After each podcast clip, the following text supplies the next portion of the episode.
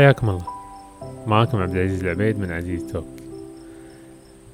ودي أكلمكم يعني في فقرة جميلة حبيت أسويها. يعني قلت ودي أسويها وأخليها موجودة من ضمن البودكاست ومن ضمن التسجيلات وسميتها سوالف ليل.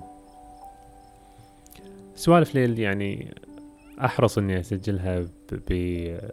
وخلينا نقول هي عبارة عن دردشة نسولف فيها عن مواضيع.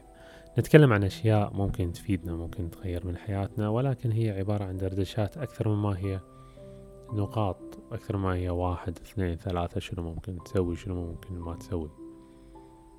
ولكن أحيانا تحس إنك ودك تسمع إلى صديق ودك تسمع إلى شخص يسولف معك ويقول لك أشياء يكلمك عن أشياء. فبما أن مثل ما قلت لكم إنك تحتاج إنك تسمع إلى صديق ف ودنا نتكلم عن الصداقة. شنو هي الصداقة؟ والصداقة هي شيء أساسي. الإنسان الله سبحانه وتعالى خلقنا كبشر. في في كوكب واحد أو خلينا نقول في كرة أرضية واحدة. والله سبحانه وتعالى قادر إنه يحط كل إنسان في كوكب. ولكن الإنسان هو كائن يحتاج أن يتواجد مع الآخرين. يحتاج أنه يكون عنده صديق يحتاج أنه ي- يأنس مع الآخرين. فالصداقة أنواع. والأصدقاء يعني خلينا نقول يعني ينقسمون إلى ثلاث أنواع. في نوع يسمونه الصديق الأخ أو الأخت يعني على حسب. صديق الأخ أو الأخت هو صديق قريب منك كأخ لك. إذا تألمت هو يتألم. إذا سعدت هو يسعد. إذا صار عندك مشكلة تلجأ له على طول. آه يعني مثل أبو. مثل يعني سيدنا أبي بكر حق الرسول صلى الله عليه وسلم. ثاني اثنين إذ هما في الغار إذ هما بالغار. مثل الحواريين لعيسى عليه السلام.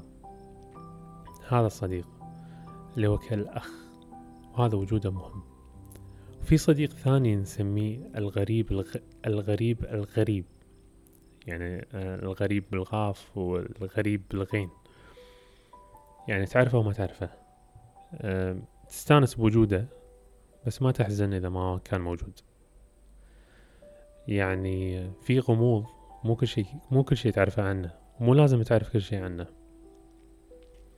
يتواجد أحيانا وأحيانا ما يتواجد.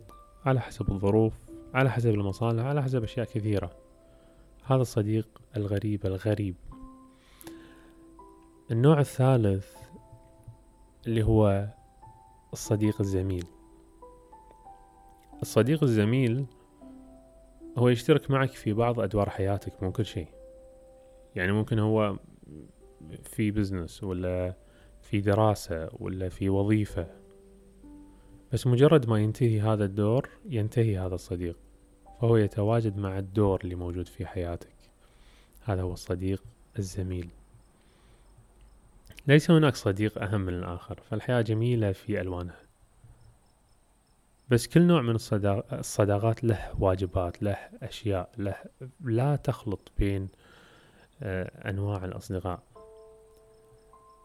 يعني آه، يقول ليو بوسكاليا زهرة واحدة تستطيع أن تكون حديقتي. صديق واحد يستطيع أن يكون عالمي. هذا كان موضوعنا حق اليوم. وقلنا بما أني أعتبر نفسي صديق لك يا مستمع حبيت أكلمك عن الصداقة. إن شاء الله إلى لقاء قادم. وإذا عجبك هذا الموضوع يعني شارك الآخرين فيه. علق سواء بالبودكاست ولا بأي مكان سمعت هذا البودكاست. علق فيسعدني تعليقك ومعرفتي فيك. يعطيكم العافية. نلقاكم على خير إن شاء الله. مع السلامة.